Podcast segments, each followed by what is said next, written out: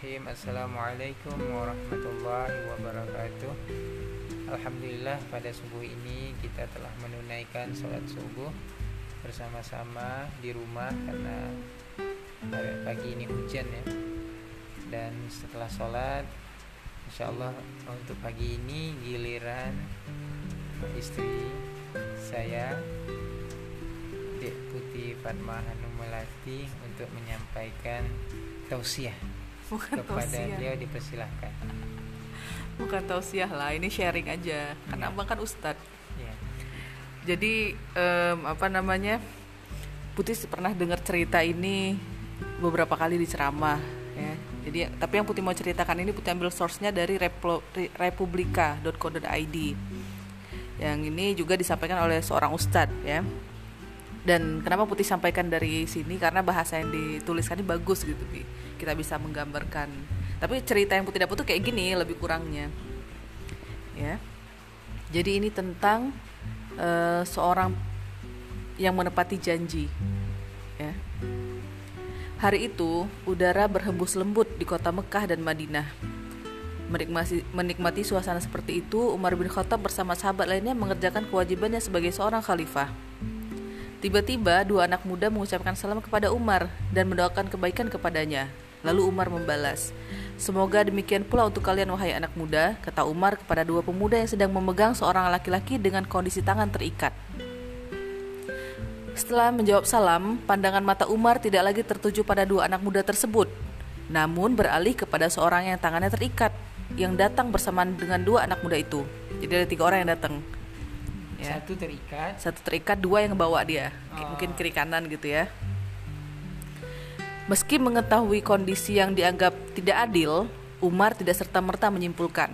Maksudnya tidak adil lah dua orang tidak diikat satu diikat gitu kan. Pasti ada something nih Umar tidak mendahului dengan bertanya pada dua pemuda mengapa mereka membawa seorang padanya dengan tangan terikat? Tiba-tiba salah seorang dari dua anak muda tersebut ngomong gitu bi Wahai Amirul Mukminin, pemuda yang ini terikat. yang nggak terikat. Pemuda ini telah membunuh ayah kami, kata dia. Lalu pemuda yang terikat tangannya berkata, "Wahai Amirul Mukminin, dengarkan dulu penjelasanku," katanya. Mendengar permintaan dari pemuda yang ter- tangannya terikat itu, salah seorang di antara pemuda lain berkata, "Tidak, hal itu tidak penting. Kamu beruntung bahwa kami tidak melakukan balas dendam, padahal ayah kami telah kamu bunuh. Kami justru membawamu pada eh, Khalifah Umar bin Khattab." Kata pemuda yang kedua dengan nada yang tinggi, dia marah. Jadi nggak usah lah ngomong-ngomong lagi lah, gitu kan? banyak cerita. Ah, dia. banyak cerita. Kamu masih mending kami nggak langsung bunuh maksudnya itu kan. Kondisi mulai tegang gitu. Umar pun segera menenangkan mereka. Umar kemudian meminta mereka untuk menahan emosi dalam menjelaskan. Kalian lebih baik diam dulu. Aku akan mendengar cerita tentang kejadian yang sebenarnya. Kata Umar memulai membuka penyelesaian masalah. Pemuda yang tangannya terikat segera bercerita. Sebelum tiba di sini, ia sedang menaiki seekor unta untuk pergi ke suatu tempat. Jadi dia musafir Ini dicerita dia ngomong yang terikat. yang terikat. Jadi Sebelum apa katanya? sebelum ke sini dia tuh sedang menaiki seekor unta, ingin pergi ke suatu tempat. Karena letih, dia tertidur. Ketika bangun, ia mendapati untanya tidak ada di sisi. Hmm. Terus dia bilang, "Lalu aku mencarinya. Tidak jauh dari tempat aku tidur, dia melihat untanya itu sedang asik memakan tanaman di sebuah kebun." Lalu saya berusaha mengalaunya, tapi unta itu tidak juga berpindah dari tempat dia berhenti. Jadi dia mau narik unta itu jangan makan situ gitu. Tapi- punya dia, dia. heeh. tak lama kemudian datanglah seseorang dan langsung melempar batu ke arah untanya. Lemparan itu tepat ke arah untanya. Maka unta tersebut seketika itu juga mati. Tak sengaja kadang-kadang begitu ya. Ya, pemuda itu mengakui setelah melihat untanya mati akibat lemparan batu, ia marah. Ya dia lagi musafir, anggaplah gini, kalau kita bawa mobil atau motor, Parking sekejap. parking sebentar, tiba-tiba mungkin ya ini kan bukan Iya, bukan yang dia tiba udah ini, intinya nggak intinya tiba-tiba ada orang yang rusak motor kita terus nggak bisa hidup lagi gitu. Kita belum sampai ke tempat tujuan pasti marah gitu kan. Lalu kata dia karena dia marah, dia ngambil batu dan melempar ke arah orang yang melempar unta itu. Tidak disangka batu itu mengenai kepalanya, Mati juga. lalu tersungkur dan meninggal. Sebenarnya, wahai Amirul Mukminin, aku tidak berniat untuk membunuhnya, kata pemuda tangan terikat itu kepada Umar.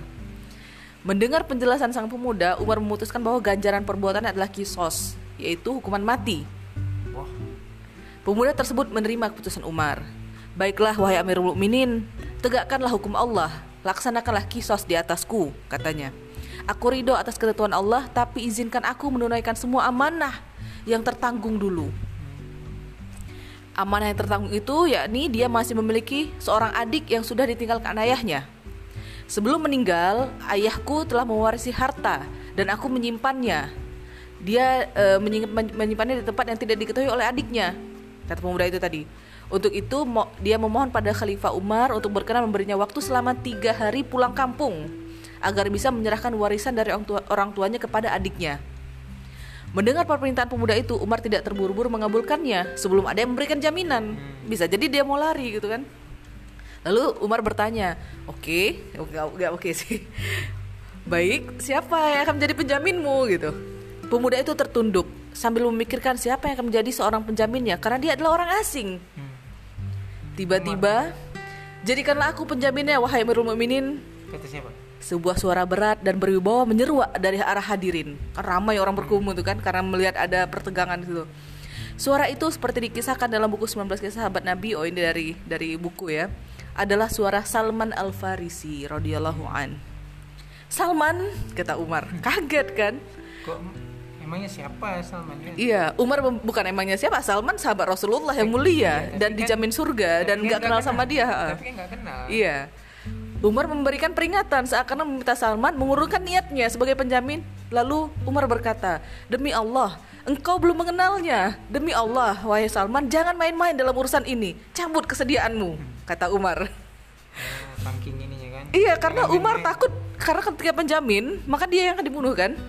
Tanpa mengurangi rasa hormat terhadap perintah khalifah, Umar Salman berkata, Pengenalanku padanya tak beda dengan pengenalanmu. eh, pengenalanku padanya tak beda dengan pengenalanmu ya Umar. Aku aja. percaya kepadanya sebagaimana engkau mempercayainya. Kan Umar kan memper- mempercayai ceritanya kan tadi. Kata Salman yang membuat orang-orang tertegun Iya kan, mendengar logik. kata-kata bermakna itu. Dengan berat hati, Umar, para sahabat akhirnya menye- eh, menyanggupi, maksudnya Salman menjadi penjamin dan dua laki-laki yang tadi membawa dua pemuda yang membawa eh, yang pemuda yang terikat itu menunggu. Setuju. Hingga tengah malam pemuda itu belum juga datang. Kedua laki-laki itu mulai gelisah. Hari sudah siang, tapi Oh pemuda itu dilepaskan betul? dilepaskan untuk balik. Akhirnya kan menerima keputusan dengan berat hati kan? Hari sudah siang, tapi pemuda itu belum datang. Jika tidak datang, Salman akan menjadi penggantinya menerima hukuman mati, kata seorang laki-laki itu. Kata dua pemuda tadi lah. Waktu sudah siang, maksudnya sudah hari berganti hari kan tiga hari kan. Waktu sudah siang dan pemuda itu tidak kunjung datang di hari yang ketiga tuh. Salman dengan tenang dan tawakal melangkah ke tempat kisos sebagai penerima jaminan. Ketika Salman sudah berada di akhir hukuman, jadi kayak orang tuh sudah menunggu nih, ya udahlah nggak datang berarti dia nih, berarti Salman lah yang diganti.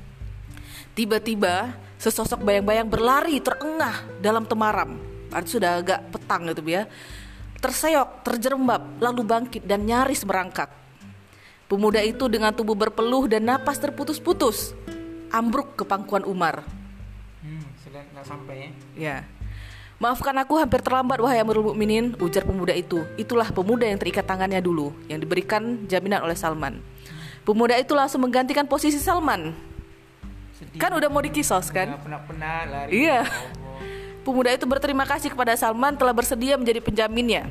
Meskipun ia belum dikenalnya sama sekali. Masya Allah ya. Sedih. Sedih. Kok kenapa sedih? Nggak apa-apa. Lalu Abang sedih. Lalu Umar Umar protes, dia belum selesai. Lalu Umar protes atas keterlambatan pemuda itu. Lal- namun pemuda itu berkata, kan dia kan protes, kenapa kamu terlambat mungkin kan?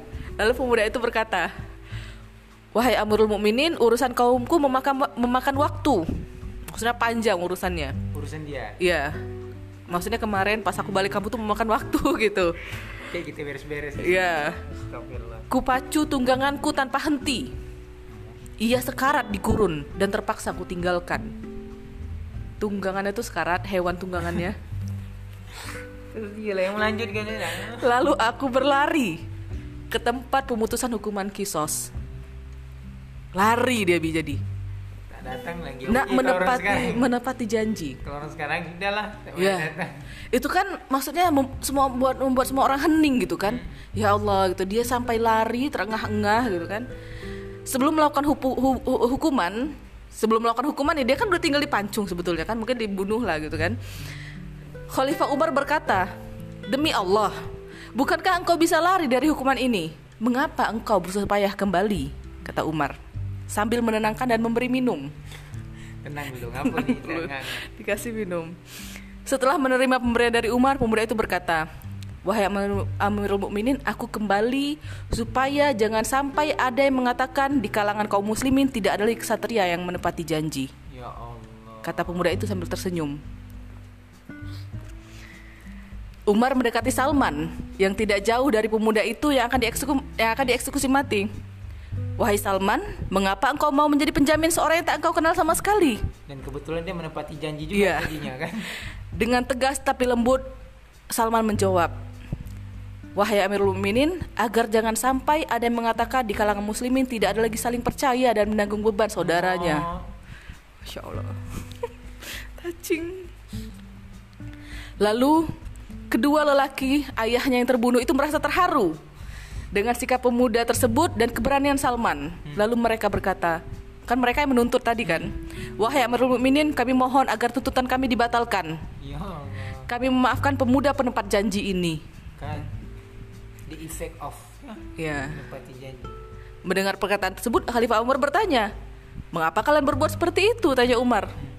Lalu mereka menjawab, "Wahai Amirul Mukminin, kami memaafkan dia karena agar jangan sampai ada yang merasa di kalangan kaum muslimin tidak ada lagi saling memaafkan dan kasih sayang." ya Allah Masya Allah. Wahai Salman, kamu sungguh berani. Dan wahai pemuda, kamu adalah Al-Wafi. Kamu berdua sangat mulia. Lalu bersalaman dan kuatkan ukhuwah di antara kalian, kata Umar. Mereka saling berpelukan dan menangis dengan jalan ukhuwah sesama muslim. Masya Allah ya. Putih touching kalau ingat kisah ini. Itulah. Oke, terima kasih pemirsa.